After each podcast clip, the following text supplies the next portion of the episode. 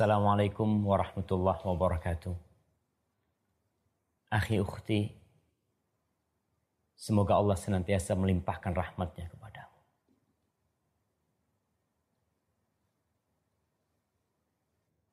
Terkadang sebagian orang berpikir, kalau kematian itu menyelesaikan segala permasalahan. Menyelesaikan utang kita menyelesaikan hukuman-hukuman yang mungkin seharusnya kita terima di muka bumi. Sehingga sebagian orang berpikir untuk bunuh diri. Agar dia terlepas dari semua problematika itu. Kalau memang kematian itu menyelesaikan segala sesuatu. Ana rasa akan banyak orang yang terjun dari gedung-gedung tinggi akan banyak orang yang meneguk racun. Kenapa? Karena hidup ini masalah. Semua orang punya masalah. Kau pikir hanya kau yang punya masalah. Allah menciptakan kehidupan ini untuk menguji kita. Bersabarkah kita dalam menghadapi segala yang ada? Bersyukurkah kita menerima nikmat yang Allah berikan kepada kita?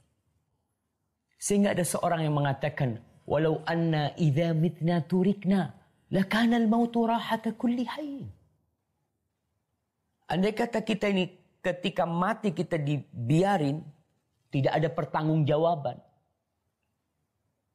Tidak ada pengadilan nantinya. Maka kematian itu adalah tempat istirahat semua yang hidup. Ahibati fillah. Kau ketika mati, engkau akan mendapatkan masalah yang lebih berat lagi. Tidak ada yang mendampingimu di situ. Keluargamu hanya sampai ke pintu kuburan lalu mereka pergi.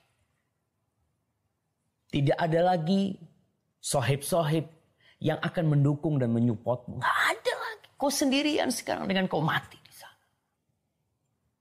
Dan ketika kau mati dengan cara bunuh diri, Padahal Allah mengatakan wala taqtulu anfusakum innallaha kana bikum rahima. Kalian jangan bunuh diri kalian sendiri. Allah itu sayang sama kalian. Maka kau akan tersiksa dengan apa yang kau gunakan untuk membunuh dirimu.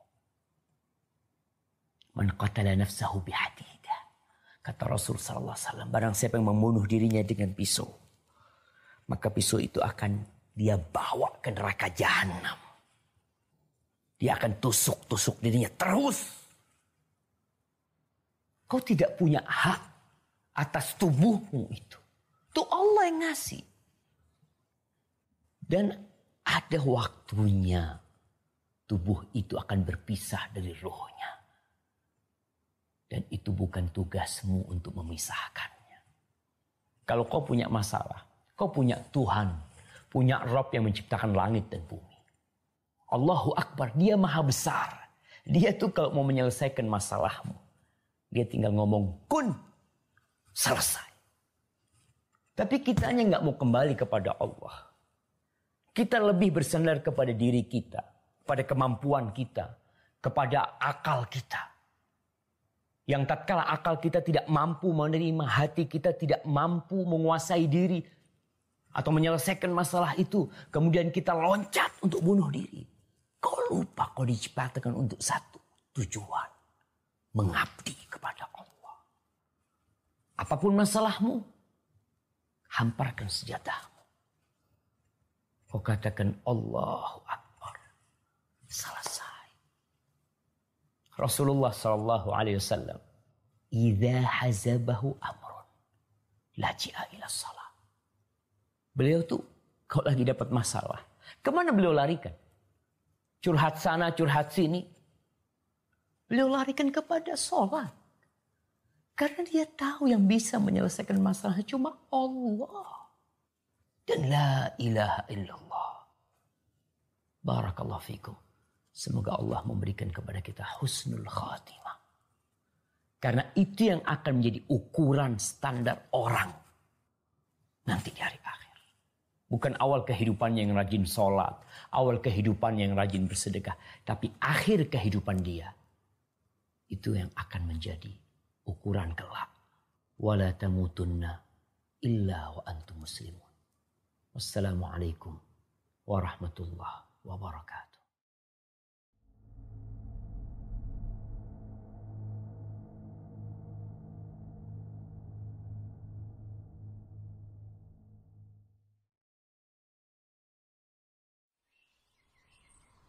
Petikan Faidah Memetik Faidah pada kajian ilmiah.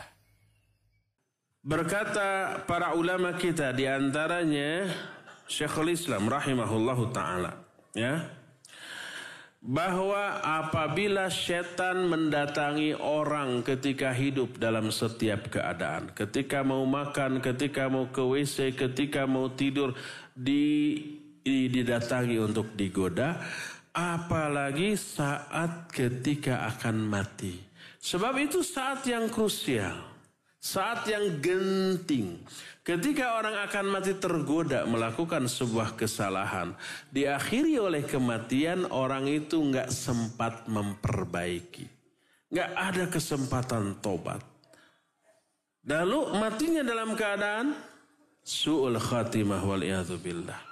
Adapun kalau sekarang dalam keadaan sehat, seseorang tergoda, terjerumus ke dalam maksiat, mungkin nggak tobat?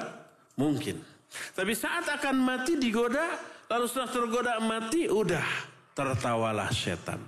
Berdasarkan hal itulah maka saat-saat seseorang akan mati adalah saat yang paling dinanti oleh setan untuk dijerumuskan di akhir hayatnya. Oleh karena itulah maka sering-seringlah kita berdoa.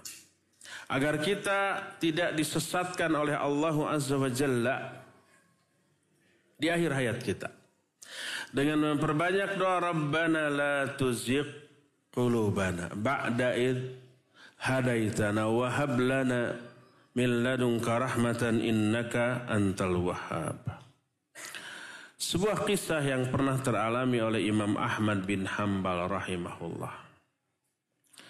Diceritakan oleh anaknya namanya Abdullah. Kata Abdullah hadarat wafatu Abi Ahmad wa biyadaya khurqah li ashudda lihyaihi fakana yughriqu thumma yufiq wa yaqulu biyadaihi la ba'd la ba'd fa'ala hadha mirara Fakultu lahu ya abati ayu syain yabdu mink? Qal inna syaitan qaimun bihidai adin ala anamilihi yaqulu ya Ahmad futni wa ana aqul la ba'd la ba'd hatta amut. Kata Abdullah putra Imam Ahmad ketika kematian mau mendatangi bapakku yaitu Ahmad di tanganku ada secari kain. Sehelai. Kalau secari kertas ya. Sehelai kain. Untuk aku usapkan kepada jenggotnya. Imam Ahmad berjenggot. Beliau pingsan kemudian sadar. Pingsan sadar. Ketika beliau tidak sadar, beliau berkata, La ba'd, la ba'd. Enggak mau, enggak mau, enggak mau. Ini dilakukan berkali-kali. Ketika beliau sadar aku bertanya, wahai bapakku, apa yang kau alami? Sehingga engkau berkata demikian. Kata bapaknya, sesungguhnya syaitan berdiri di arah kedua kakiku. Dia menggigit ujung-ujung jariku sambil berkata, Hai Ahmad, taatlah kepadaku. Aku menjawab enggak mau, enggak mau sampai aku tidak ingat apa-apa lagi. Bayangkan Imam Ahmad didatangi oleh setan. Di akhir hayatnya untuk diapakan? Untuk disesatkan tapi Allah memberikan keistiqomahan kepada Imam Ahmad. Berkata Al-Qurtubi, aku mendengar guru kami Imam Abdul Abbas Ahmad bin Umar Al-Qurtubi berkata, bahwa ada seorang guru di antara guru-guru kami suatu saat mengalami sakaratul maut. Lalu ditalkin dengan mengatakan qul la ilaha illallah. Katakan olehmu la ilaha illallah. Tapi dia menolak la la tidak mau tidak mau. Ini orang soleh, ulama besar, ketika mau matinya disuruh untuk mengatakan la ilaha illallah, tapi dia menjawab tidak mau, tidak mau sampai dia pingsan. Setelah dia siuman, kami bertanya, kami menjelaskan kejadian tadi. Kami menuntunmu untuk mengatakan la ilaha illallah, tapi engkau menjawab dengan jawaban tidak mau, tidak mau. Kenapa? Dia menjawab atani syaitanan an yamini wa an shimali. Yaqulu ahaduhuma mut yahudiyan fa innahu khairul adyan. Wal akhar yaqul mut nasraniyan fa innahu khairul adyan. Fa kuntu aqulu lahuma la la la. Kata orang itu tadi datang dua setan. Satu di kananku satu di kiriku yang di kananku berkata, matilah kamu sebagai seorang Yahudi. Karena Yahudi itu sebaik-baik agama. Yang satu lagi menyatakan, matilah kamu sebagai seorang Nasrani. Karena Nasrani itu sebaik-baik agama. Aku menjawab, tidak mau, tidak mau, tidak mau. Ternyata perkataan dia tidak mau itu bukan tidak mau mengatakan La ilaha illallah mungkin talqin orang yang hidup yang ada di sekitarnya nggak kedengeran sama dia. Yang lebih besar pengaruhnya, dominan pengaruhnya kepada dia, ajakan setan. Yuk masuk Yahudi, dia sebaik-baik agama. Yuk masuk Nasrani, dia sebaik-baik agama. Itu yang terdengar lalu ditolak dengan mengatakan nggak mau, nggak mau, nggak mau. Bukan nggak mau mengatakan la ilaha illallah. Berkata Syekhul Islam ketika menanggapi riwayat-riwayat seperti itu. Kata beliau, Walakinna hadha laysa laziman likulli ahad. Ini tidak mesti teralami oleh setiap orang. Enggak. Bal minan nas man tu'radu alaihi al-adyan qabla mautihi wa minhum la man la tu'radu alaihi. Ada sebagian orang yang memang mengalami disodorkannya agama lain ketika di dalam diri orang ini ada syubhat tentang kebaikan agama lain. Dia ada kekaguman kepada ajaran agama lain, nanti di akhir hayatnya diajak loh. Kadang ini kadang. Ketika mau mati seseorang bukan diajak untuk masuk ke agama lain untuk murtad, tapi disodorkan pemahaman sesat dari sekte umat Islam yang keliru, yang menyimpang. Mungkin datang, ayo jadi syiah saja. Itu sebaik-baik agama. Di sana ada mutlak, mut'ah loh, seneng gitu ya. Lalu orang yang sudah ada kecenderungan ke sana diajak ya mau nantinya. Waliyahzubillah ya. Ayo mending ikut ajaran ini, ajaran sesat juga.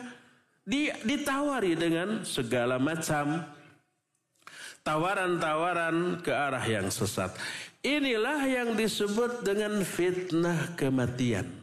Fitnah kematianlah fitnah yang tersodorkan kepada seorang menjelang kematian dia. Yang kita berlindung kepada Allah dari fitnah kematian dalam solat-solat kita. Kita berkata Allahumma Inni a'udzubika min adzabil jahannam min adzabil qabr min fitnatil mahya wa, wa mamati wa min fitnatil masihid dajjal. Berlindung kepada Allah dari jahanam, berlindung dari azab kubur, berlindung juga dari fitnah kehidupan dan fitnah kematian. Fitnah kehidupan ya fitnah selama hidup. Agar kita tetap istiqamah menghadapi fitnah itu. Fitnah kematianlah fitnah menjelang kita mati. Jangan sampai kita ini di, disesatkan oleh setan di akhir kehidupan kita.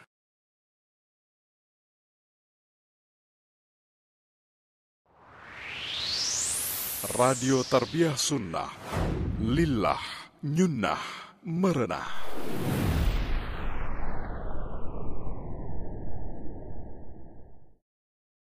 Alhamdulillah wassalatu wassalamu ala Rasulillah nabiyina Muhammadin wa alihi wa sahbihi wa man walah. Asyhadu an la ilaha illallah wahdahu la syarikalah wa asyhadu anna Muhammadan abduhu wa rasuluh. Amma ba'd. Lihat sawah yang menghijau. Begitu indahnya. Merupakan nikmat Allah kepada kita. Allah menumbuhkan tanaman-tanaman tersebut untuk kepentingan manusia. Allah Ta'ala berfirman, Antum tazra'unahu am nahnu, am nahnu zari'un. Apakah kalian yang menumbuhkan tanaman itu? Atau kami yang menumbuhkannya? Tentu Allah Subhanahu wa Ta'ala. Coba lihat ketika seorang petani menanam benih-benihnya. Petani hanya sebatas menanam benih. Kemudian setelah itu hanya memberikan pupuk dan yang lainnya. Tapi siapa yang menumbuhkan? Yang menumbuhkan Allah. Yang menumbuhkan kemudian sampai besar, sampai besar. Sehingga kemudian sampai ia pun bisa dipetik, diambil buah-buahannya, kemudian dinikmati. Menjadi beras. Siapa yang memberikan semuanya itu kalau bukan Allah, pencipta langit dan bumi, pemberi nikmat yang sangat banyak sekali. Namun akal Islam azakumullah, kita melihat terkadang di masyarakat kita banyak kesyirikan-kesyirikan yang mereka lakukan di antara di antaranya membuat sesajen-sesajen. Mereka punya keyakinan katanya dewa ataupun yang mengurus sawah-sawah ini adalah Dewi Sri atau penunggu-penunggu yang lainnya. Lalu mereka pun membuat sesajen-sesajen untuk para jin-jin itu, untuk ya para dewa yang mereka yakini bahwasanya dewa itu memberikan manfaat kepada mereka. Apakah seperti itu keyakinan Islam? Tentu tidak.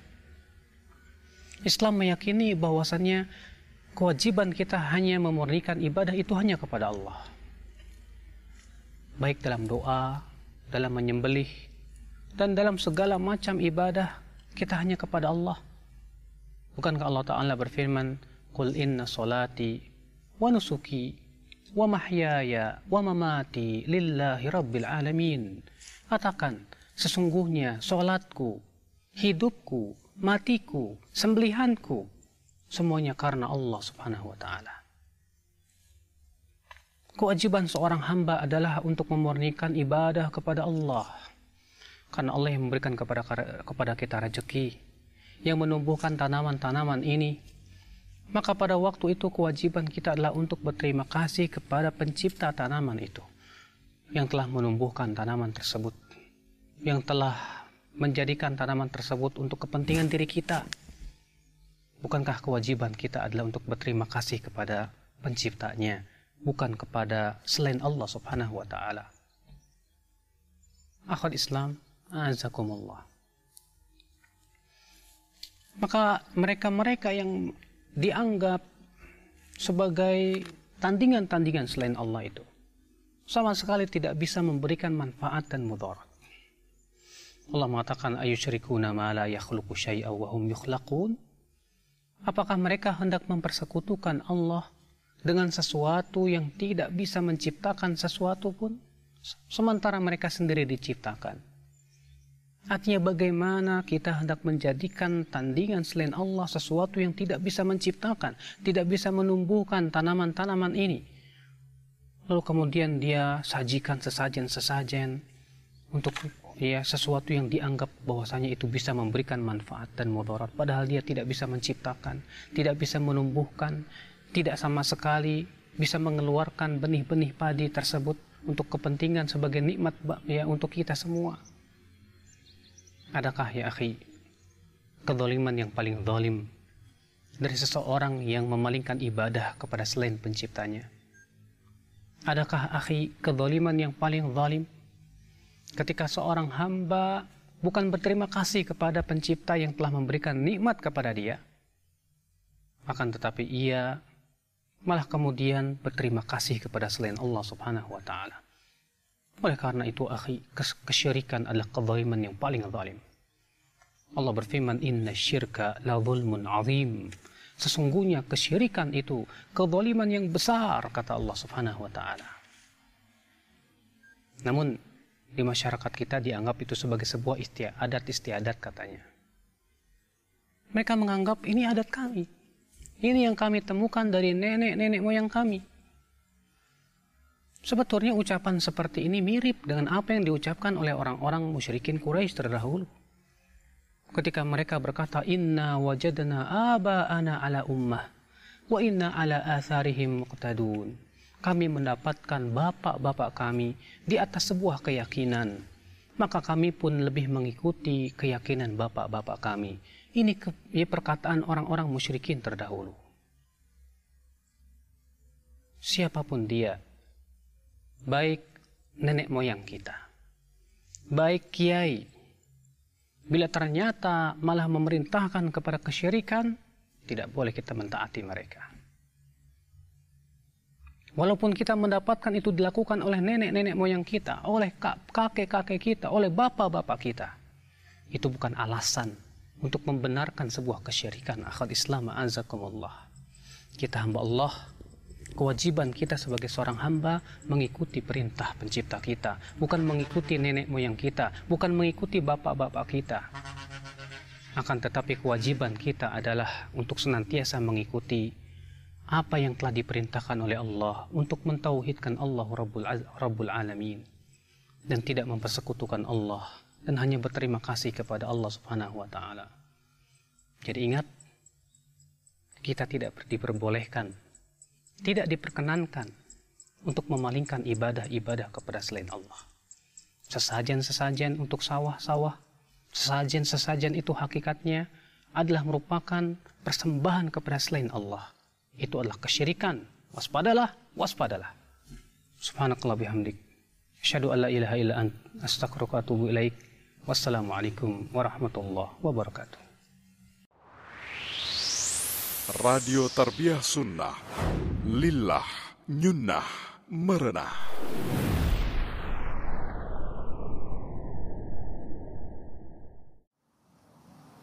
Ilmu sangat dibutuhkan dalam kehidupan manusia. Kenapa tidak? Allah Azza wa Jalla menyebutkan dan mengingatkan bahwasanya Allah Subhanahu wa taala mengangkat derajat orang-orang yang berilmu. Yarfa'illahu alladhina amanu minkum walladhina utul ilma darajat. Allah Azza wa Jalla mengangkat derajat orang-orang beriman di antara kalian dan juga orang-orang yang berilmu. Qul hal yastawi alladhina ya'lamun walladhina la ya'lamun. Katakanlah, apakah sama orang berilmu dengan orang yang tidak berilmu? Jawabannya tidak akan sama.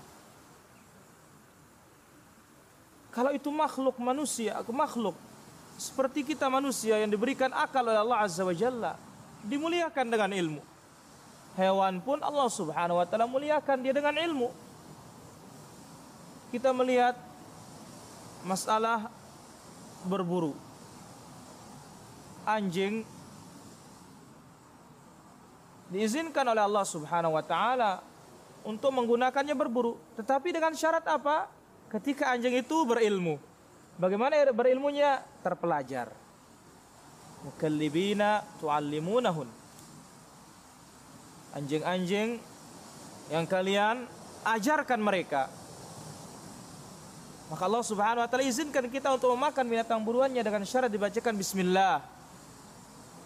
Kalau makhluk Allah seperti anjing atau hewan kalau diajar dia mulia, apalagi seorang makhluk seperti kita manusia. Ya Allah Subhanahu wa taala ciptakan kita dalam bentuk yang paling sempurna. Maka oleh karena itu telah diriwayatkan dari sahabat Ali bin Abi Thalib radhiyallahu anhu, kafa bil ilmi syarafa. Cukuplah ilmu itu mulia an yadda'ihi man la yuhsinuh. Orang yang tidak berilmu mengaku dirinya berilmu. Wa yafrahu bihi idza nusiba ilaih. Dan dia senang kalau dikatakan orang berilmu. Ini cukup menunjukkan bahwa apa? Ilmu itu mulia. Ilmu itu sangat indah. Ilmu itu sangat berharga. Orang yang tidak berilmu dikatakan berilmu senang dia. Dan orang yang tidak berilmu ya kalau dikatakan orang alim dia pun berbangga diri dan ber, dan berbahagia. Wa kafa bil jahli dhamma dan cukuplah kejahilan itu sebagai celaan an yatabarra'a minhu man huwa fihi. Orang yang jahil berlepas diri dari kejahilannya. Dan dia tidak senang ketika dikatakan jahil. Tidak senang dikatakan bodoh. Tetapi dia senang dikatakan orang berilmu. Oleh karena itu afat. Suatu bahaya. Dari tidak memiliki ilmu dan dari kejahilan. Kita lihat dalam sebuah hadis dari Nabi SAW. Telah dikisahkan dalam hadis yang sahih yang mana ada seseorang qatala tis'atan wa tis'ina nafsan. Orang ini telah membunuh 99 jiwa. Maka sudah sekian banyak kejahatannya, sudah sekian nyawa ditumpahkan. Dia ingin bertobat kepada Allah Azza wa Jalla. Lantas dia bertanya, Man a'lam ahlul ar? Siapakah penduduk bumi yang paling alim? Untuk dia bertanya. Fadulla ala rahibin. Tiba-tiba ditunjuki seorang ahli ibadah. Bukan orang berilmu ditunjuki. Lantas datanglah dia ke sana bertanya. Aku telah membunuh 99 nyawa. Apakah ada jalan bagiku untuk bertobat? Sang rohib ahli ibadah ini yang tidak punya ilmu mengatakan apa? Tidak ada jalan bagimu untuk bertobat. Sudah 99 kamu bunuh. Tidak ada jalan. Lantas apa yang terjadi? Orang ini marah karena dia ingin berbuat baik, lantas ditutup jalannya berbuat baik, langsung digenapkan menjadi 100. Dia pun dibunuh. Akhirnya dia bertanya, mana orang yang paling alim di muka bumi ini? Ditunjukilah seorang yang benar-benar alim. Lantas dia, dia datang bertanya, aku telah membunuh seratus orang. Adakah jalan bagiku untuk kembali kepadanya, bertobat kepadanya? Lantas sang alim ini dengan ilmu dia menjawab, apa katanya? apakah yang menghalangi menghalangimu untuk bertobat? Apa yang menghalangimu untuk bertobat? Pintu tobat terbuka lebar. Tetapi sekarang ini engkau berada di suatu negeri yang jahat. Berangkatlah engkau menuju negeri yang penduduknya orang-orang yang baik. Belum sampai di sana, sudah di pertengahan jalan, atau bahkan mungkin lebih dekat kepada negeri yang baik tersebut, Allah Subhanahu wa taala mencabut nyawanya. Maka di saat itu malaikat rahmah dengan malaikat azab, malaikat surga dan neraka ingin memperebutkan orang tersebut. Lalu jalan keluarnya dihitung mana lebih dekat. Ke sanalah dia akan dimasukkan dan ternyata lebih dekat kepada negeri yang soleh maka dia pun dimasukkan ke dalam jannah oleh Allah Azza wa. Pelajaran penting dari hadis ini apa? Inilah bahayanya orang-orang yang berfatwa tanpa ilmu. Orang-orang yang memberi jawaban tanpa bukti, tanpa burhan, tanpa dalil. Ya akibatnya dia ingin memperbaiki ternyata dia justru merusak. Oleh karena itu Umar bin Abdul Aziz rahimahullah taala mengatakan, "Man 'abadallah bi ghairi ilmin kana aktsara ma yufsidu ala ma yuslih." Atau kama qala rahimahullah. Barang siapa yang beribadah kepada Allah Azza wa Jalla tanpa ilmu, maka dia akan lebih banyak merusak daripada memperbaiki. Oleh karena itu, terpujilah orang-orang berilmu Dan Allah Subhanahu wa taala mensifati dirinya dengan Al-Alim. Maka belajarlah. Belajarlah Dan itulah sebabnya kewajiban pertama sebelum kita mengucapkan sesuatu dan sebelum kita mempraktikkan sesuatu adalah kita mengilmuinya. Wallahu taala a'lam. قال الرسول قال الرسول صلى الله عليه وسلم. عن عبد الله بن عمرو بن العاص رضي الله عنهما أن رسول الله صلى الله عليه وسلم قال من الكبائر شتم الرجل والديه. قالوا يا رسول الله وهل يشتم الرجل والديه؟ قال نعم. يسب ابا الرجل فيسب اباه ويسب امه فيسب امه متفق عليه Dari Abdullah bin Amri bin Al-As bahwa Rasulullah Shallallahu alaihi wasallam bersabda, di antara dosa besar adalah seorang laki-laki mencela kedua orang tuanya. Para sahabat bertanya, "Wahai Rasulullah, apakah mungkin seorang laki-laki mencela orang tuanya?" Beliau menjawab, "Ya, dia mencela bapak seseorang, lalu orang tersebut membalas mencela bapaknya." Lalu dia mencela ibunya, lalu orang tersebut membalas mencela ibunya. Muttafaqun alaih. Radio Tarbiyah Sunnah Lillah Nyunnah Merenah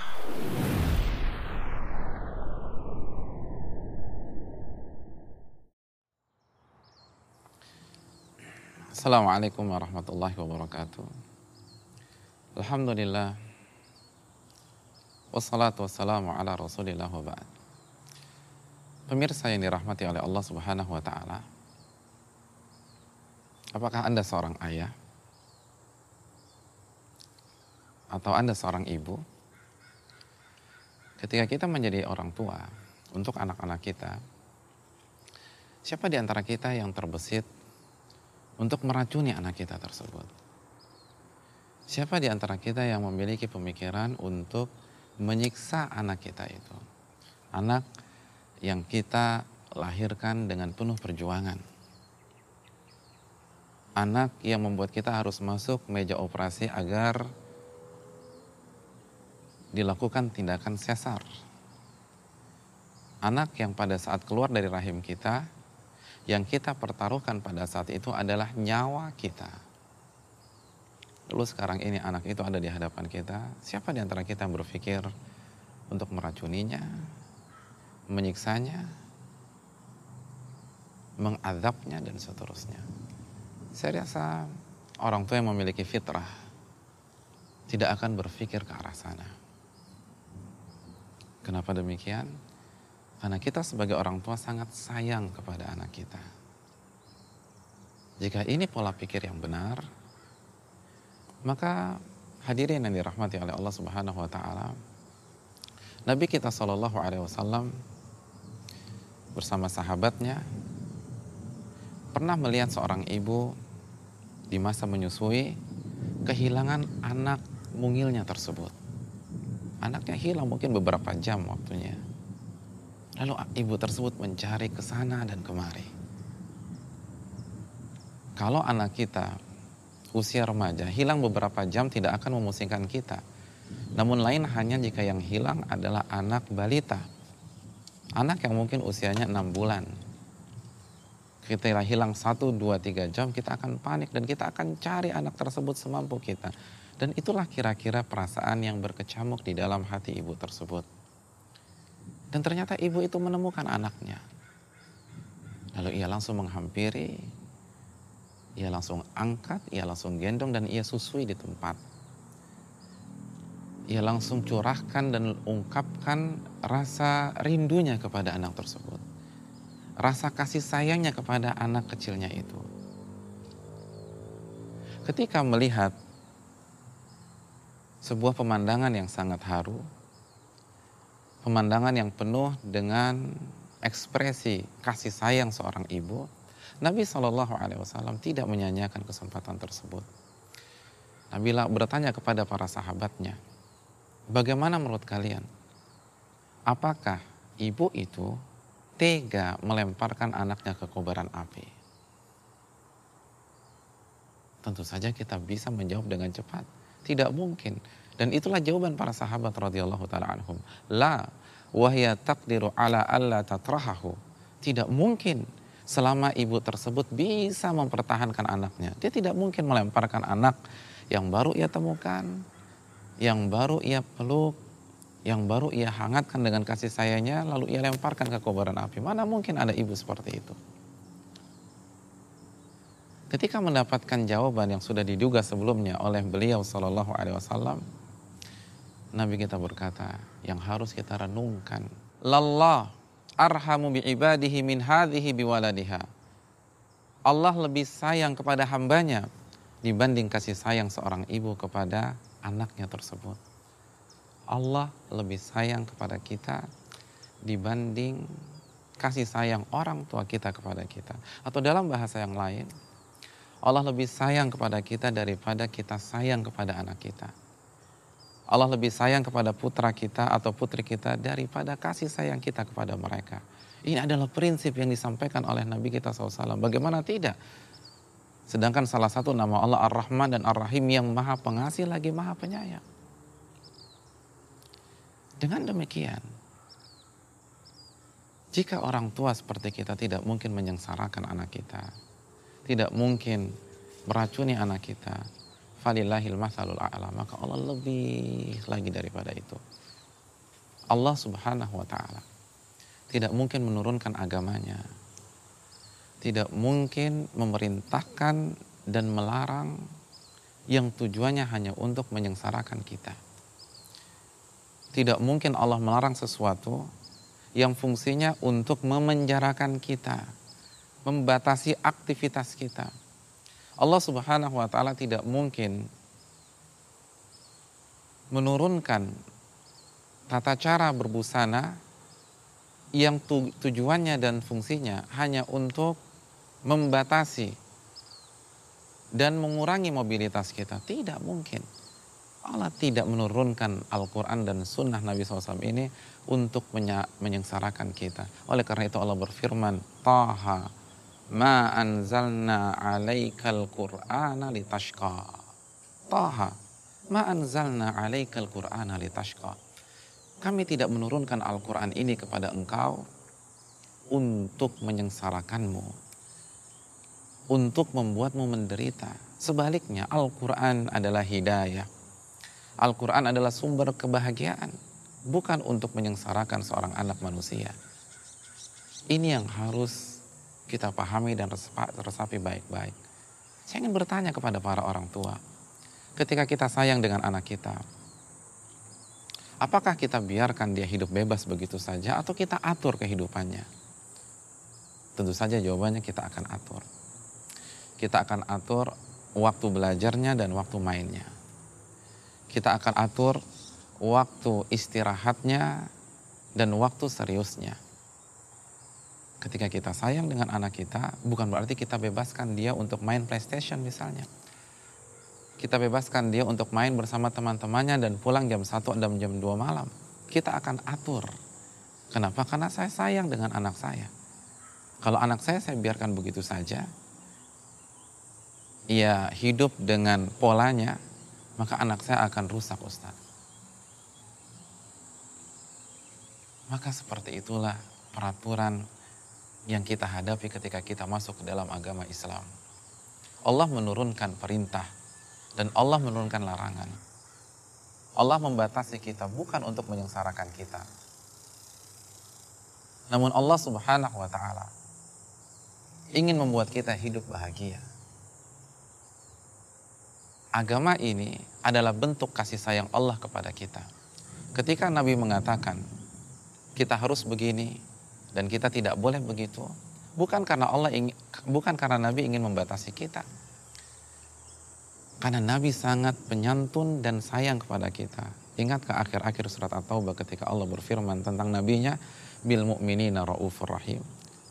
Nabi sangat penyantun dan penyayang kepada orang-orang beriman. Tidak mungkin Nabi membuat aturan atau memperlihatkan keteladanan yang tujuannya untuk menyengsarakan kita sebagai umatnya. Nabi lebih memikirkan kita daripada diri kita sendiri dan daripada orang tua kita memikirkan kita. Maka ini yang harus kita patrikan. Ketika Allah Subhanahu wa taala memerintahkan kita untuk beribadah, untuk sholat, untuk berpuasa, untuk berzikir, itu adalah bentuk kasih sayang Allah kepada kita. Karena Allah tahu kita tidak mungkin bahagia kecuali dengan berzikir. Ala bi tatmainul qulub. Dalam surat Ar-Ra'd ayat 28 Allah mengatakan, ketahuilah hanya dengan berzikir hati itu menjadi tenang, hati itu menjadi tentram.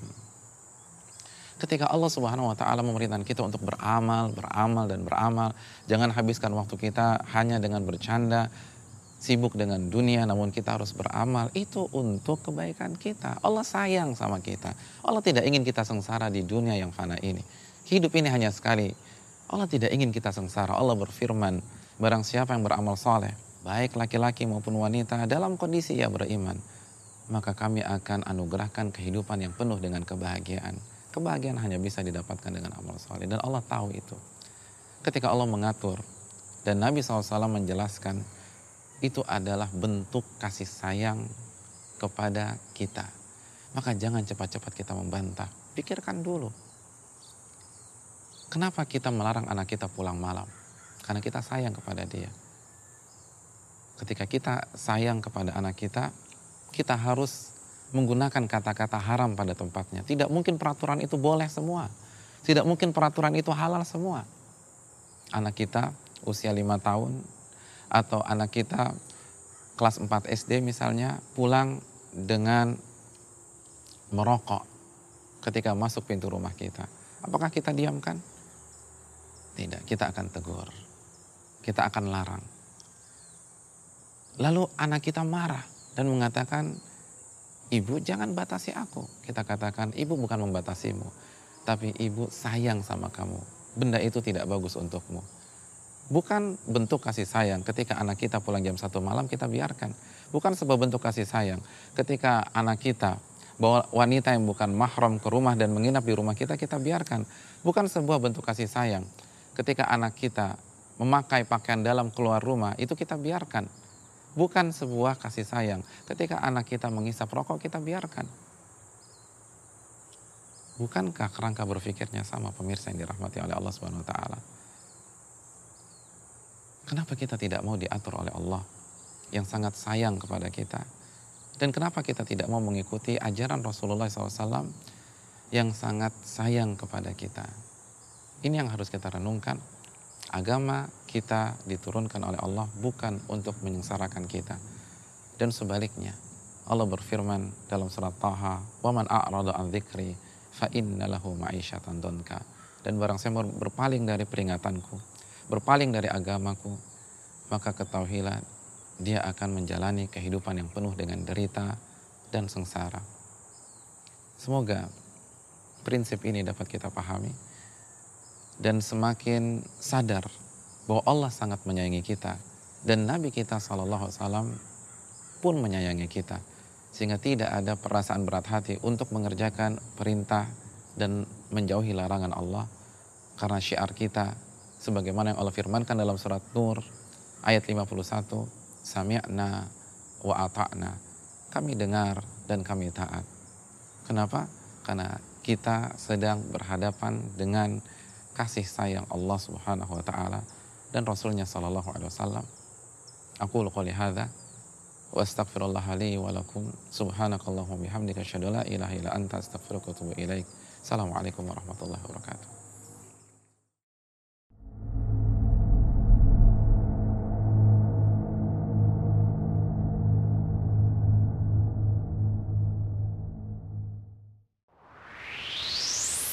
Radio Tarbiyah Sunnah. Lillah Nyunnah Merenah.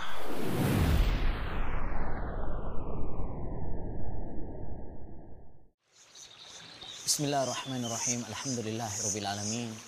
Wassalatu wassalamu ala ashrafil anbiya wal mursalin. Nabiyyina Muhammad wa ala alihi wa sahbihi ajmain. Amma ba'd.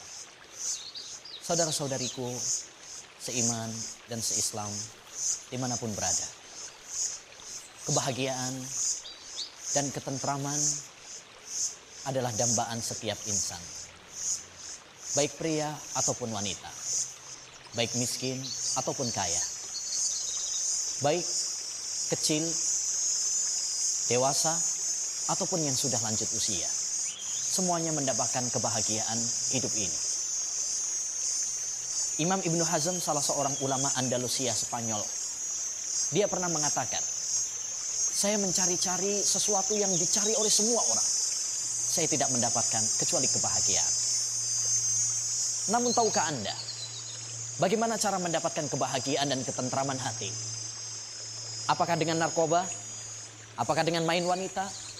Apakah dengan banyaknya harta yang melimpah? Ternyata tidak. Buktinya betapa banyak orang yang memiliki harta dan memiliki wanita, bermain wanita, tetapi tidak mendapatkan kebahagiaan yang dia cari.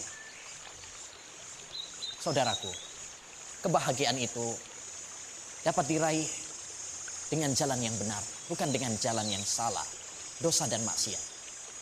Ada sebuah kisah. Seorang dokter pernah mengatakan kepada seorang muslim. Dia curhat. Dia mengatakan, saya memiliki banyak harta. Bila saya mau main wanita, saya bisa.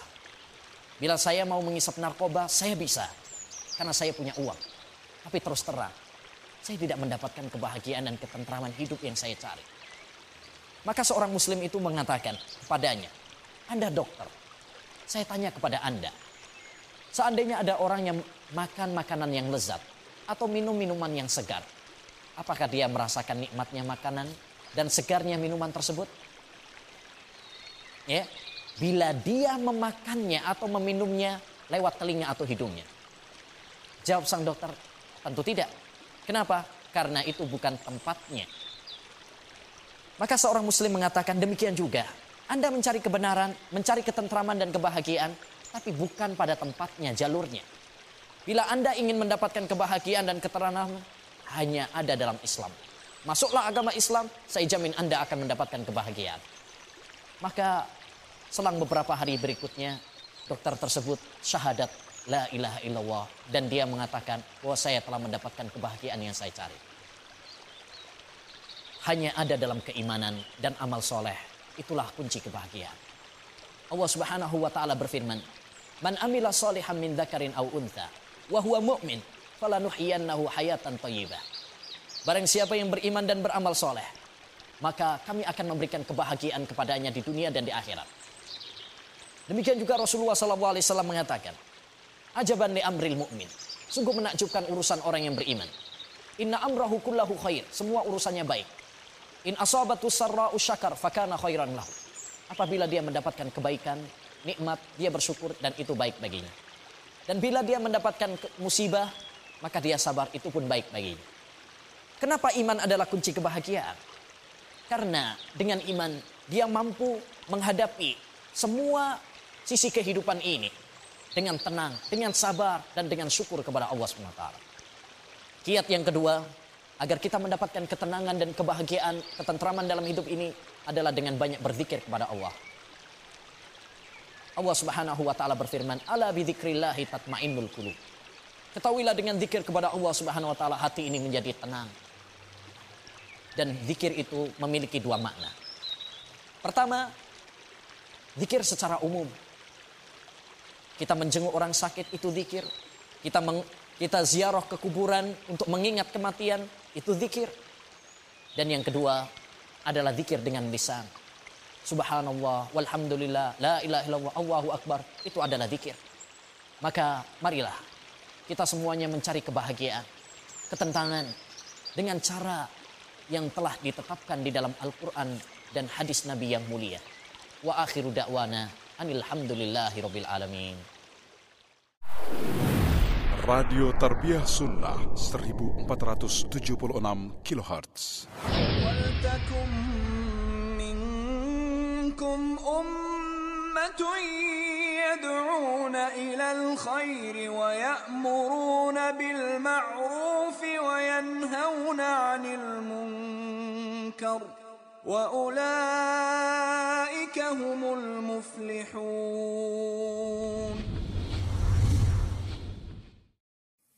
Assalamualaikum warahmatullahi Waalaikumsalam warahmatullahi wabarakatuh. Barakallahu fikum. Gimana kabar antum Ustaz? Alhamdulillah, hayakumullah. Ya, ketemu lagi Ustaz. Alhamdulillah, alhamdulillah. Bertanya lagi nih Ustaz. Oh, silakan, fadal, fadal, silakan. Ada pertanyaan Ustaz, penting ya, fadal, Iya silakan. Ustaz, ya, ini sangat penting Ustaz. Eh, menghadapi fenomena dakwah sekarang nih Ustaz. Iya, iya. Yang kita tahu Ustaz, eh, sekarang ini dakwah kita yang dakwah yang kita cintai sekali Ustaz. Eh, banyak pertentangan di mana-mana Ustaz. Dakwah sunnah ya, jelas. Dakwah sunnah ya, dakwah sunnah kita ini banyak eh, apa namanya? Banyak pertentangan di mana-mana Ustaz. Mhm. Yang kita tahu banyak penolakan-penolakan, ustadz-ustadz kita banyak yang ditolak, ada yang di apa namanya? yang di, ceramah di- ceramah iya. Eh, terus masjid-masjid banyak yang tidak boleh mereka masuk di masjid itu gitu loh. Ada yang mendirikan masjid maka dilarang untuk Iya, memperbaiki masjid. ah, ah. iya itu yang mendirikan itu eh, dilarang. Ada juga yang eh, di masjid umum kita tidak boleh masuk. Tidak Ustaz. boleh masuk. Gimana Ustaz? Apakah metode kita ini Ustaz, metode dakwah kita ini apakah ada yang bilang kita terlalu keras? Apakah benar Ustaz? Perubah, perubah merubah, merubah Iya, metode begitu maksudnya. iya. Iya. Jadi gini Ustaz, eh, orang-orang orang-orang bilang "Eh, kalian dakwah ini terlalu kaku, terlalu keras. Rubahlah gitu loh. Suruh rubah kita supaya kita menyenangkan banyak orang gitu loh. Supaya kita punya dakwah bisa masuk. Itu gimana Ustaz? Iya. Kalau menurut antum gimana? Sedangkan gini Ustaz. Afwan Ustaz, anak ini Ustaz ya. Kayak Ana gini Ustaz. Ana ini dulu eh, kenal dakwah ini karena kemurnian, kemurnian dakwah ini yang Ana tidak di- eh, tidak dapatin di tempat-tempat lain Ustaz. Gitu loh. Ya Allah, Ana ternyata berislam sekarang ya ini gitu loh, Islam yang murni Dengan gitu. dalil, iya, dengan dengan, pemahaman dalil. yang benar, ah. ya, ya. Gimana Ustaz dengan fenomena-fenomena ini Ustaz? Iya barakallahu fikum. Anda sudah pahami apa yang antum tanyakan. Jadi perlu kita ketahui bersama bahwa dakwah para nabi dan para rasul alaihi wassalatu wassalam adalah dakwah yang terbaik dalam ilmunya, cara penyampaiannya, kesabaran mereka, kelemah lembutan mereka. Bayangkan dakwanya Rasulullah SAW disifati dalam Al-Quran. Fabima rahmatin minallahi lintalahum. Walau kunta faddan ghalidhal qalbi lam faddu min haulik. Disebabkan rahmat dari Allah engkau berlaku lunak kepada mereka orang-orang yang kamu dakwai para sahabat radhiyallahu taala anhum ajmain. Seandainya kamu itu adalah orang yang keras dan kaku, ya, yang kaku dan keras hatinya, mereka akan lari berpaling dari sisimu. Tidak ragu lagi dakwah yang keras, yang kaku, yang tidak memperhatikan cara-cara untuk mendekati masyarakat dengan cara yang sesuai syariat, ini akan dijauhi masyarakat. Sesuai syariat ya. Iya, ini yang akan menjadi pertentangan seperti yang antum katakan tadi. Tapi apakah ketika antum pertanyakan saat ini adalah fenomena dakwah yang dialami oleh para ustadz kita kan? Iya, betul Para ustadz sunnah. Iya, betul. Kita tidak boleh bersangka buruk kepada mereka. Mereka juga paham agama. Mereka mungkin makan lebih dahulu berdakwah dibandingkan kita. Masa kita mau katakan dakwah mereka semua salah? Betul. Metodenya mereka keliru. Masalah yang berhubungan dengan penentangan masyarakat sudah kita katakan tadi dialami oleh para nabi dan para rasul. Mereka didustakan. Rasulullah SAW digelari apa dalam Al-Quran? Digelari orang gila, Iya. syairun majnun, tukang tukang syair yang gila, digelari sebagai orang yang membawa asatirul awalin, dongeng-dongeng dari orang-orang yang terdahulu. Padahal Nabi SAW, apakah ada yang lebih baik daripada dakwah beliau? Lebih lembut dibandingkan dakwah beliau? Lebih bijaksana dibandingkan dakwah beliau? Yang ketika orang-orang Yahudi saja datang ya untuk mengucapkan salam yang ternyata diplesetkan menjadi kebinasaan. Assalamu alayka ya Rasulullah. Jelas-jelas menghina Rasulullah SAW. Sampai Aisyah radhiyallahu taala dalam Sahih Muslim antum ketahui. Iya. Marah mendengarkan dan dan membalas dengan apa? Wa alaikumussamu wa la'nah dan atas kalian kebinasaan dan laknat. Rasulullah SAW tetap menegur Aisyah dan mengatakan mahlan ya Aisyah. Pelan-pelan wahai Aisyah. Inna Allah rafiqun yuhibbur rifq. Allah itu maha lemah lembut dan menyukai kelemah lembutan.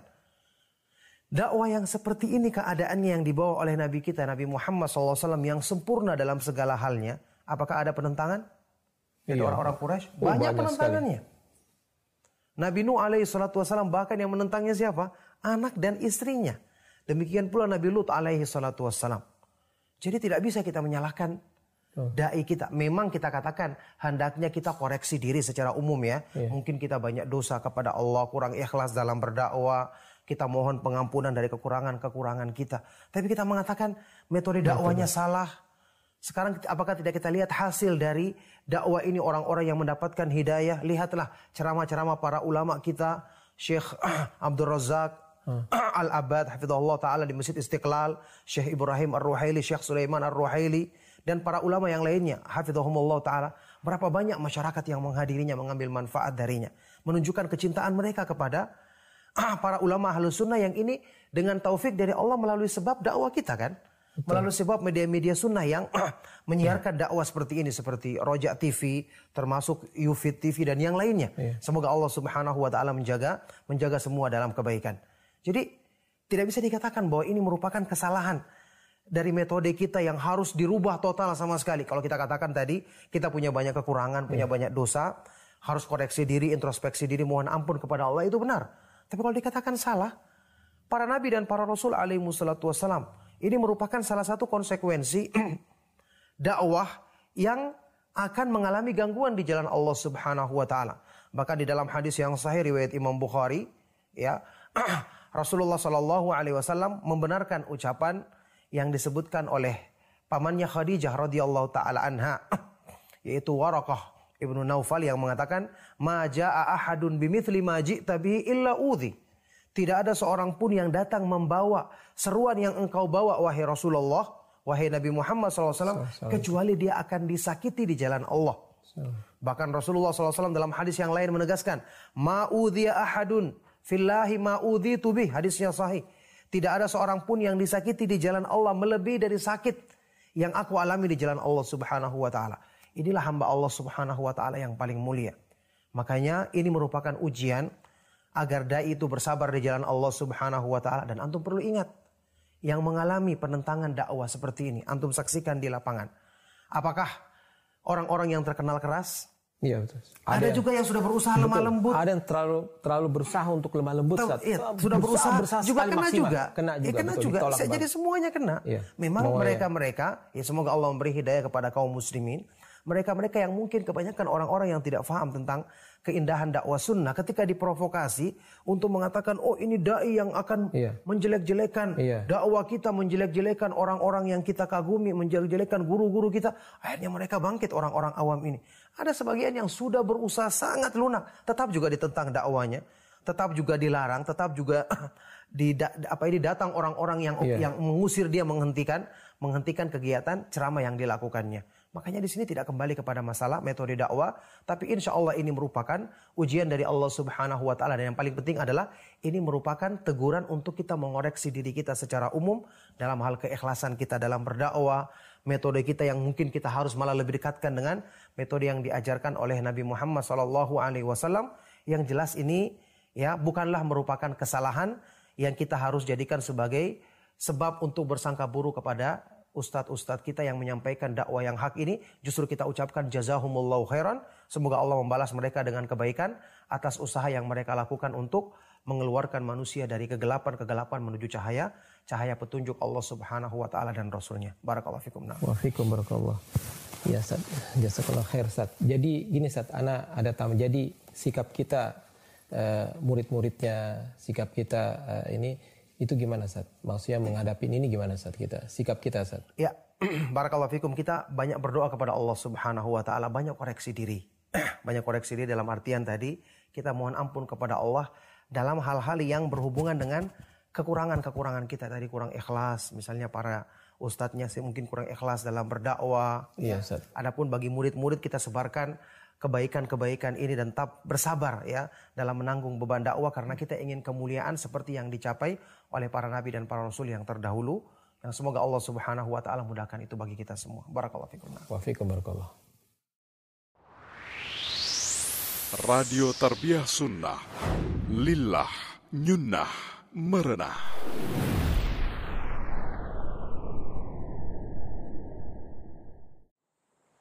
air begitu jernih. Air adalah alat untuk membersihkan diri kita. Andai setiap kali tubuh kita kotor, kita mandi.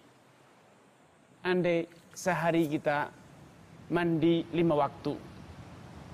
Andai air sejernih ini ada di depan rumah kita dan kita setiap hari mandi lima kali. Akankah tubuh kita masih akan mengeluarkan aroma keringat yang tidak sedap? Akankah tubuh kita masih kotor? Setiap sejak Anda bangun di pukul 5 pagi hingga Anda tidur lagi pukul 10 malam. Anda mandi sebanyak lima kali. Akankah Anda masih kotor tubuh Anda? Akankah tersisa keringat Anda? Tentu tidak. Demikianlah gambaran gambaran sederhana konkret antara kaitan salat lima waktu dengan dosa-dosa Anda. Lo anda naharan bibabi ahadikum. Andai di depan rumah Anda itu ada sungai yang mengalir. Dan karena sungai ada di depan rumah Anda, Anda mandi sebanyak lima kali sehari. Ayab qamin daranihi syai' Akankah kotoran tubuh Anda masih tersisa? Para sahabat mengatakan, tidak ya Rasulullah, tidak mungkin akan masih ada kotoran yang melekat di tubuh ini. Bila sehari kita mandi sebanyak lima kali. Fadzalika mathalus salawat. Itulah gambaran sederhana ilustrasi kaitan antara salat lima waktu dengan dosa-dosa Anda. Yukafirullah bihinal khataya Allah subhanahu wa ta'ala. Berkat salat Anda, Anda salat lima waktu, tepat pada waktunya, sempurna dengan rukun-rukunnya, syarat-syaratnya, wajib-wajibnya dan sunnah-sunnahnya, maka seluruh dosa-dosa Anda akan terhapuskan. Bahkan sebelum Anda menegakkan sholat, ketika Anda berwudu membasuh wajah Anda dengan air wudu. Anda membasuh wajah Anda dengan air wudu, kata Rasulullah SAW, dosa-dosa yang melekat di wajah Anda akan mengalir, akan hanyut bersama tetesan air yang mengalir dari jenggot Anda.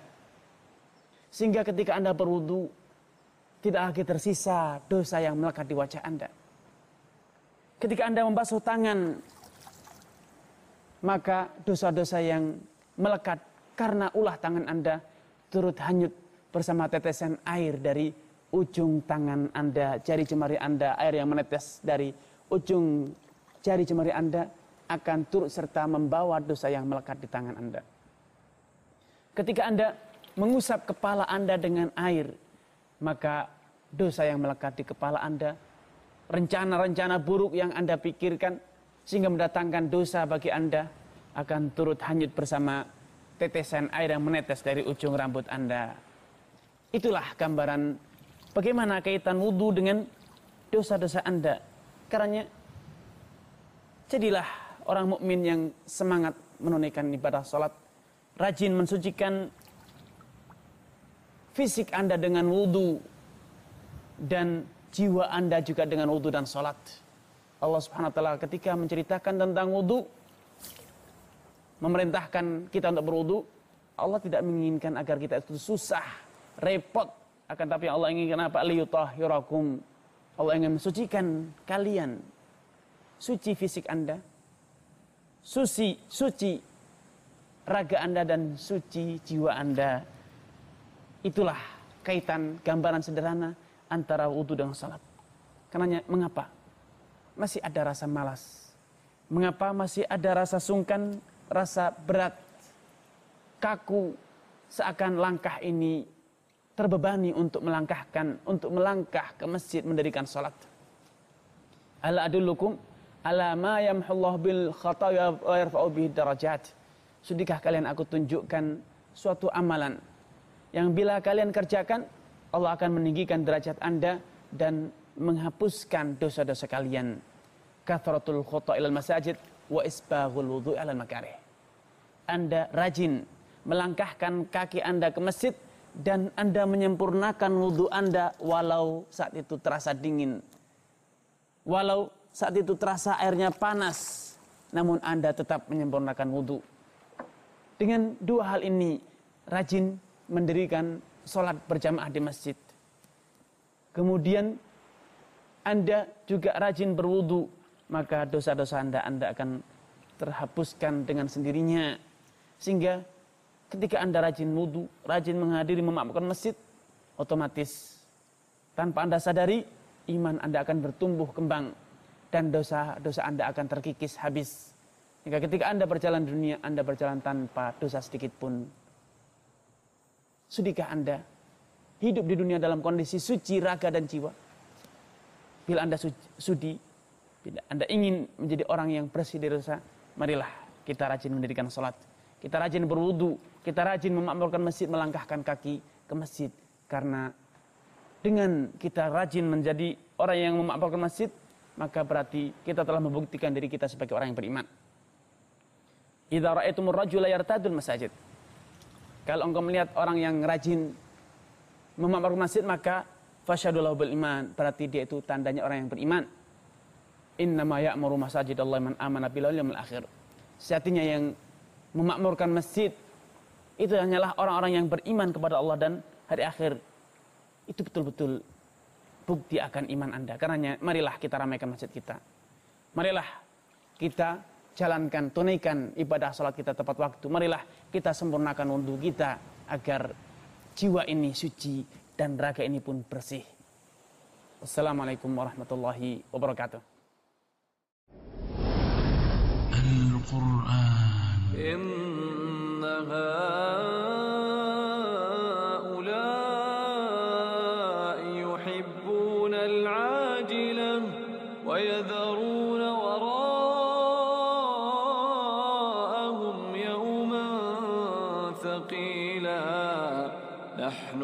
خلقناهم وشددنا أسرهم. وإذا شئنا بدلنا أمثالهم تبديلا. إن هذه تذكرة فمن شاء اتخذ إلى ربه سبيلا. إذاعة القرآن الكريم. Radio Tarbiyah Sunnah 1476 kHz.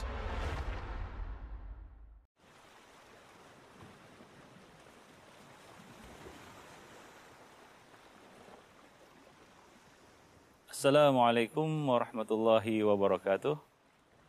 Para pemirsa yang berbahagia, tahukah Anda apa yang sangat diharapkan oleh seseorang yang baru berpindah dari alam dunia ke alam barzakh? Bukan harta, bukan pula istana yang dia tinggalkan, bukan pula istri cantik jelita yang sangat dia cintai, bukan pula makanan yang lezat, minuman yang nikmat, akan tapi dia berangan ketika dia berpindah dari alam dunia ke alam barzakh untuk kembali ke alam dunia agar dapat mengerjakan amal saleh. Allah Subhanahu wa taala telah berfirman di dalam kitabnya, "Hatta idza jaa ahadakumul mautu qala rabbirji'un la'alli a'malu salihan fima tarak kalla innaha kalimatun huwa qailuha wa min waraihim barzakhun ila yaumi yub'atsun." Allah Subhanahu wa taala berfirman, hingga ketika kematian datang menghampiri mereka, salah seorang dari mereka, maka ia pun berkata, Rabbirji'un. Ya Rabbi, kembalikanlah aku ke alam dunia. La'alli a'malu salihan tarak. Mudah-mudahan aku dapat beramal saleh dengan apa yang aku tinggalkan, dengan harta yang aku tinggalkan, dengan nikmat yang aku tinggalkan. Allah Subhanahu wa taala mengatakan kalla. Sekali-kali tidak. Tidak akan kembali ke dunia. Orang yang sudah mati tidak akan kembali ke dunia. Wa min waraihim barzakhun ila yaumi yub'atsun. Di hadapan mereka telah menunggu alam barzakh sampai mereka dibangkitkan. Kalla innaha kalimatun huwa qailuha. Sungguh itu adalah kalimat yang diucapkan oleh mereka di bibir saja. Wa min waraihim barzakhun ila yaumi yub'atsun. Di hadapan mereka telah menunggu di belakang mereka telah menunggu siap menanti alam barzakh sampai mereka dibangkitkan oleh Allah Subhanahu wa taala. Inilah yang sangat diharapkan, inilah yang sangat diinginkan diidamkan oleh orang yang mati. Yaitu ingin kembali ke alam dunia. Bukan untuk bersenang-senang, menikmati kenikmatan dunia, mencicipi kenikmatan dunia yang baru dia tinggalkan, kembali kepada istrinya yang cantik jelita, atau menemui kembali karib kerabatnya, saudara handai tolannya, sahabat-sahabat dan teman-temannya, atau kembali menikmati istana yang dibangunnya. Tidak. Akan tapi dia berharap satu perkara, yaitu beramal saleh. Maka dari itu, apabila Allah Subhanahu wa taala masih memberikan kesempatan kepada kita, yaitu nikmat waktu yang Allah Subhanahu wa taala berikan kepada kita, umur, usia yang Allah Subhanahu wa taala berikan kepada kita, maka kita harus memanfaatkannya sebaik mungkin. Janganlah kita lalaikan, janganlah kita abaikan kenikmatan usia, umur yang Allah Subhanahu wa taala berikan kepada kita. Sungguh itu adalah kesempatan bagi kita untuk beramal saleh sebelum kesempatan itu dicabut oleh Allah Subhanahu wa taala. Maka dari itu Allah Subhanahu wa taala berfirman di dalam kitabnya bersumpah demi masa sesungguhnya manusia itu berada di atas kerugian wal asri innal insana lafi khusrin illa alladhina amanu wa amilus solihat wa tawasaw bil haqqi wa tawasaw bis sabr. Demi masa sesungguhnya manusia itu berada di atas kerugian kecuali orang-orang yang beriman dan beramal saleh, saling bernasihat di atas kebaik, kebenaran dan kesabaran. Itulah orang-orang yang selamat dari kerugian. Dia dapat memanfaatkan dengan baik kesempatan yang Allah berikan semasa dia hidup di dunia, yaitu dia gunakan untuk beriman dan beramal saleh, saling bernasihat, saling berwasiat, saling berpesan, saling ingat mengingati di atas kebenaran dan dengan kesabaran. Jadi hendaknya kita dapat memanfaatkan kesempatan hidup yang Allah Subhanahu wa taala berikan. Sungguh ini adalah suatu nikmat yang sangat besar. Rasulullah sallallahu alaihi wasallam mengatakan dalam sebuah hadis, "Aktsiru min dzikri hadzimil ladzat." Perbanyaklah olehmu mengingat pemutus kenikmatan, yaitu al-maut, kematian. Apa yang diputus oleh nikmat eh, apa yang diputus oleh kematian? Nikmat apa yang diputus oleh kematian? bukan nikmat makan dan minum. Bukan juga nikmat bercanda ya, dan bersenang-senang dengan istri ataupun dengan keluarga atau dengan teman-teman. Akan tapi nikmat kesempatan yang diputus oleh kematian. Yaitu tidak ada lagi kesempatan bagi kita. Terputus seluruh amal ibadah kita ya dengan dengan datangnya kematian. Nabi SAW mengatakan, apabila mati anak Adam, ya, idza mata ibnu Adam in qata'a anhu sairu amalih. Akan terputuslah seluruh amal amal salehnya illa min thalath kecuali dari tiga perkara. Di antaranya adalah sedekahun jariyah, kemudian ilmu yang bermanfaat dan doa anak yang soleh untuknya. Maka gunakanlah kesempatan yang Allah Subhanahu wa taala berikan. Banyak manusia yang terlalai lupa akan nikmat yang besar ini.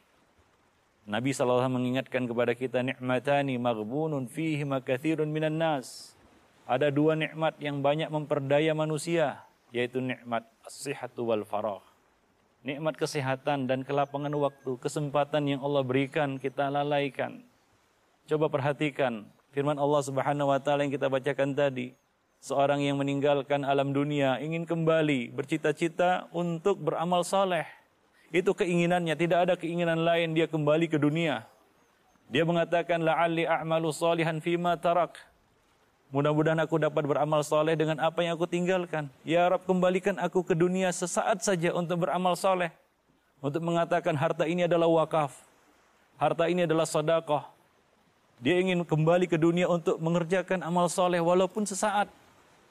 Nah demikianlah uh, besarnya anugerah kesempatan yang Allah Subhanahu wa taala berikan kepada kita. Maka jangan kita sia-siakan kesempatan hidup di dunia ini.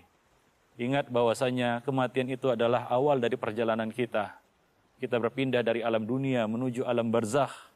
Kemudian kita akan menuju alam akhirat.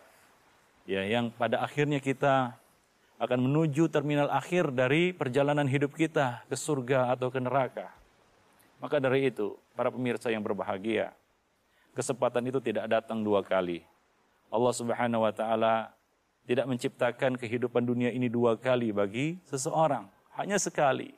Kesempatan itu hanya sekali, maka gunakanlah sebaik mungkin untuk banyak-banyak melakukan dan mengerjakan amal soleh, menebarkan kebaikan, ya. Sebab kita tidak tahu dengan amal apa Allah Subhanahu wa taala ridha kepada kita dan masukkan kita ke dalam surga dengan rahmatnya. Kita masuk surga dengan rahmat Allah Subhanahu wa taala. dan rahmat Allah itu turun tentunya ya tidak turun begitu saja. Ada sebab-sebab ya turunnya rahmat Allah Subhanahu wa taala kepada seorang hamba. Salah satunya adalah ya amal-amal kebaikan dan amal-amal soleh yang dikerjakannya. Rasulullah sallallahu alaihi mengatakan khairun nas anfa'uhum linnas. Sebaik-baik manusia adalah yang paling bermanfaat bagi orang lain, bagi manusia lainnya. Banyak-banyak menebar kebaikan dan jangan meremehkan satu pun dari kebaikan dan perkara yang ma'ruf. Nabi SAW mengatakan dalam satu hadis, Ittaqun nar walau bisyikit tamroh. Jagalah dirimu dari api neraka, walaupun dengan bersedekah separuh buah kurma. Separuh buah kurma. Kemudian juga Nabi SAW mengatakan, La tahkiranna minal ma'rufi syai'an. Walau antal ko akhaka biwajhin talik. Janganlah kamu meremehkan satu pun perkara ma'ruf walaupun hanya sekedar memberikan senyuman ketika bertemu dengan saudaramu. Bertemu dengan saudaramu memberikan senyuman, mudah-mudahan ya dengan amal yang sederhana ini senyuman yang kita berikan kepada saudara kita, Allah Subhanahu wa taala masukkan kita ke dalam surganya. Dan itu bukanlah suatu perkara yang mustahil. Banyak orang-orang yang Allah Subhanahu wa taala masukkan ke dalam surga dengan amal-amal yang sederhana seperti dalam hadis Rasulullah wasallam mengatakan Inilah ra'aitu rajulan yataqallabu fil jannah. Sungguh aku melihat seorang laki-laki yang mondar-mandir berkeliling di dalam sorga. Disebabkan apa? Apakah amalnya besar? Apakah amalnya hebat? Tidak. Sederhana.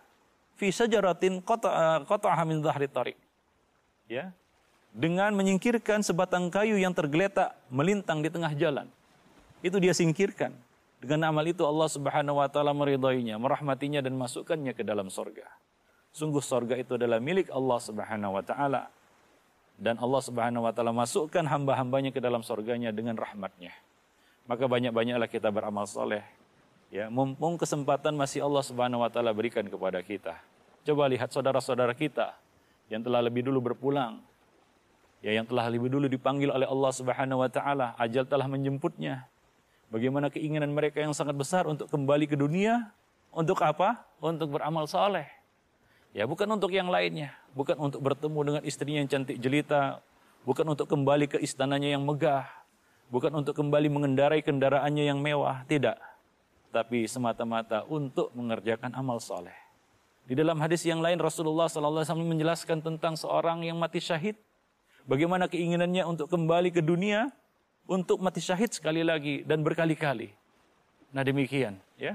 Seorang yang telah pergi meninggalkan dunia, mereka berangan-angan untuk kembali ke dunia ini agar dapat mendapatkan kesempatan, diberi kesempatan untuk beramal saleh.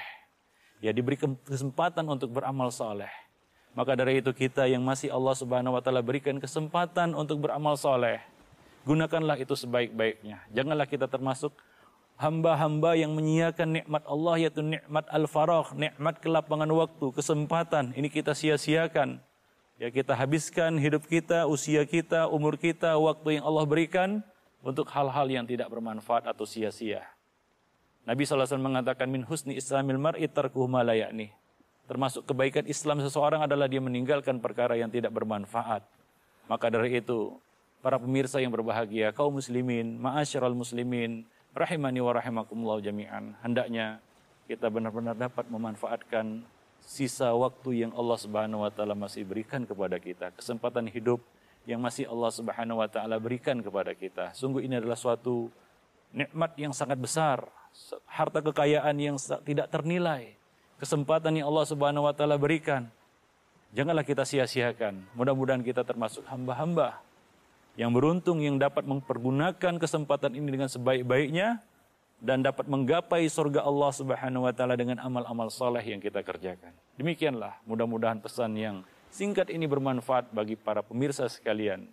Wabillahi taufik wal hidayah. Assalamualaikum warahmatullahi wabarakatuh.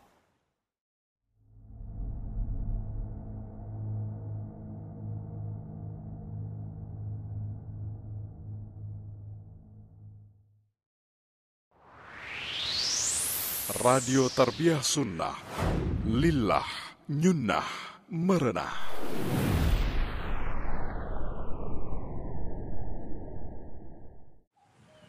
Seringkali seseorang terpesona oleh gaya, terkesima melihat penampilan seseorang. Tetapi ingatlah wahai saudara-saudariku, barometer seseorang itu di dalam Islam bukan dengan serban yang dia pakai. Bukan dengan jenggot lebat, kening hitam. Bukan itu barometer seseorang itu. Tetapi barometer dan tolak ukur bagi seorang laki-laki sejati di dalam Islam. Sebagaimana dijelaskan oleh Ibnu Qayyim, sebagaimana dijelaskan oleh Ibnul Jauzi rahimahullahu taala di dalam kitab Saidul Khatir. Timbangan seseorang itu di dalam Islam adalah keikhlasan niat, lurusnya tujuan, benarnya maksud, dan ittiba dengan sunnah Rasulullah Sallallahu Alaihi Wasallam. Seorang laki-laki sejati di dalam Islam adalah seseorang yang mampu mengikhlaskan amaliah dia untuk Allah Subhanahu wa taala semata dan juga meluruskan perbuatannya meneladani Rasulullah sallallahu alaihi wasallam. Jangan mudah terkesima, terpedaya hanya karena penampilan dan mazhar. Tetapi timbangan seseorang itu adalah ikhlas dan mutaba'ah. Maka, wahai saudara-saudariku, para ulama-ulama salaf dahulu sering berusaha mereka untuk mereka ulama-ulama salaf dahulu lebih mengedepankan memperbaiki hati, jiwa dan niat mereka ketimbang memperbaiki dan mengurus penampilan-penampilan mereka. Ibnu Sirin, Muhammad bin Sirin, salah seorang imam salaf, rahimahullah taala. Di siang hari dia bergaul dengan manusia, tertawa, tersenyum, bercanda tetapi ketika di malam hari, seolah-olah dia telah membunuh orang satu kampung. Orang tidak pernah tahu. Di siang hari orang tidak melihat dia itu sebagai seorang yang zuhud. Dia manusia melihat dia seperti orang yang biasa, tertawa bersama, bercanda, bergaul, berbaur. Tetapi di malam hari, dia menangis, bermunajat, memohon ampun, menghabiskan malamnya seolah-olah telah melakukan dosa yang sangat besar. Seperti membunuh orang satu kampung. Dan mereka berusaha merahasiakan itu dengan apa? Dengan terkadang mereka tutupi penampilan mereka yang terkesan zuhud itu dengan imbisat, terbuka, berbaur kepada manusia. Maka wahai saudaraku, mari berusaha selalu memperbaiki niat untuk selalu ikhlas dan perbaiki penampilan kita selalu sesuai dengan sunnah Rasulullah Sallallahu Alaihi Wasallam. Anda akan menjadi seorang laki-laki sejati di dalam Islam bagaimana menghadiri eh, menghindari futur setelah hijrah.